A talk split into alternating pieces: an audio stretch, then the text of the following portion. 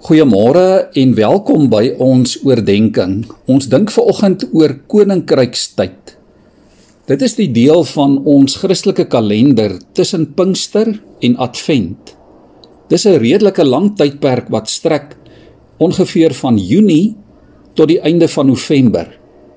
Dit begin met Drie Eenheid Sondag en eindig met die Sondag van Christus die Koning. Daarna begin Advent wat uitloop op Kersfees en Epifanie. In koninkrykstyd vier ons as Christene die heerskappy en die koningskap van die Drie-enige God as Vader, Seun en Heilige Gees. In hierdie tyd spits ons onsself daarop toe om te lewe as mense wat weet en bely dat hy die skepper en verlosser en trooster van ons lewe en van die wêreld is.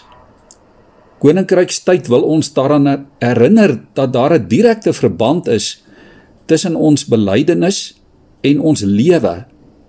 Ons kan byvoorbeeld nie vroom en mooi dinge oor God bely, maar nie lewe soos wat mense lewe wat nie in hom glo nie.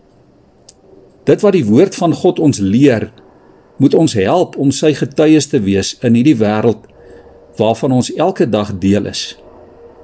Die kerk moet God se koningskap hier op aarde proklameer en verkondig. Dit wat ons weet van God, moet ons hoop gee vir die toekoms en vir dit waarvan ons nog nie weet nie. Ons God is nie net 'n hemelse of 'n abstrakte ver af koning nie. Maar hy is ook koning in die elke dag se lewe van sy gelowige kinders hier op aarde. Koninkrykstyd wil ons juis daaraan kom herinner. Dit roep ons ook op om ons getuienis as koningskinders en mense van die koninkryk uit te leef en om God deur die uitleef van ons gawes te verheerlik. Ons word daarin herinner dat die vrug van die Gees sigbaar moet wees in ons lewe.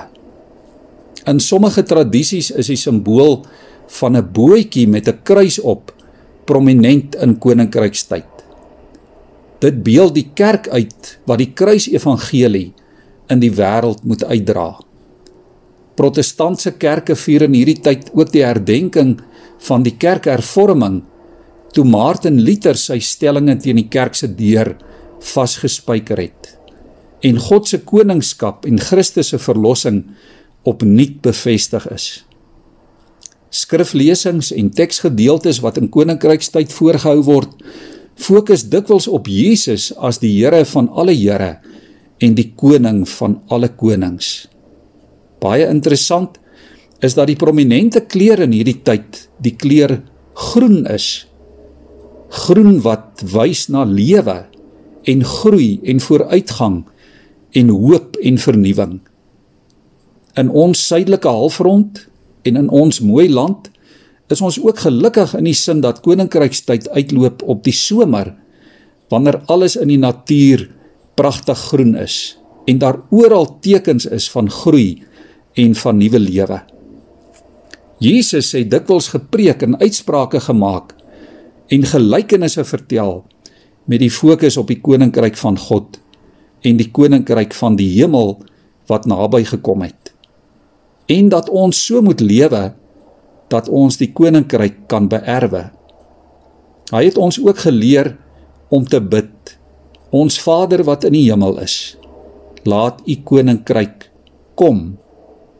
In Johannes 3 vers 2 kondig Johannes die Doper aan: Bekeer julle, want die koninkryk van die hemel het naby gekom.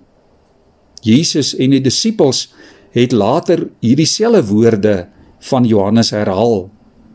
In Matteus 5 vers 3 sê die Here: Geseënd is die wat weet hoe afhanklik hulle van God is, want aan hulle behoort die koninkryk van die hemel. En later sê hy: Wie die koninkryk nie soos 'n kindjie ontvang nie, sal daar nooit ingaan nie. Kom ons buig vanmôre ons hoofde in gebed voor die Here.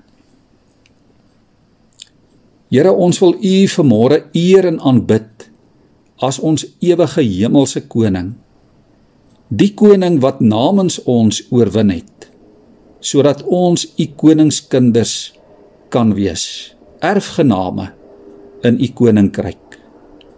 Dankie vir die voorregte Here wat ons as koningskinders het. Dankie vir gawes waarmee u ons toerus om diensbaar te wees in hierdie wêreld. Dankie dat ons soos Paulus kan weet dat al is ons in hierdie wêreld, ons nie van die wêreld is nie. Here kom help ons deur u Gees en rus ons toe om u koningskap te verkondig, om dit te proklameer in alles waarmee ons besig is. Ons bid dit in u heilige naam. Amen.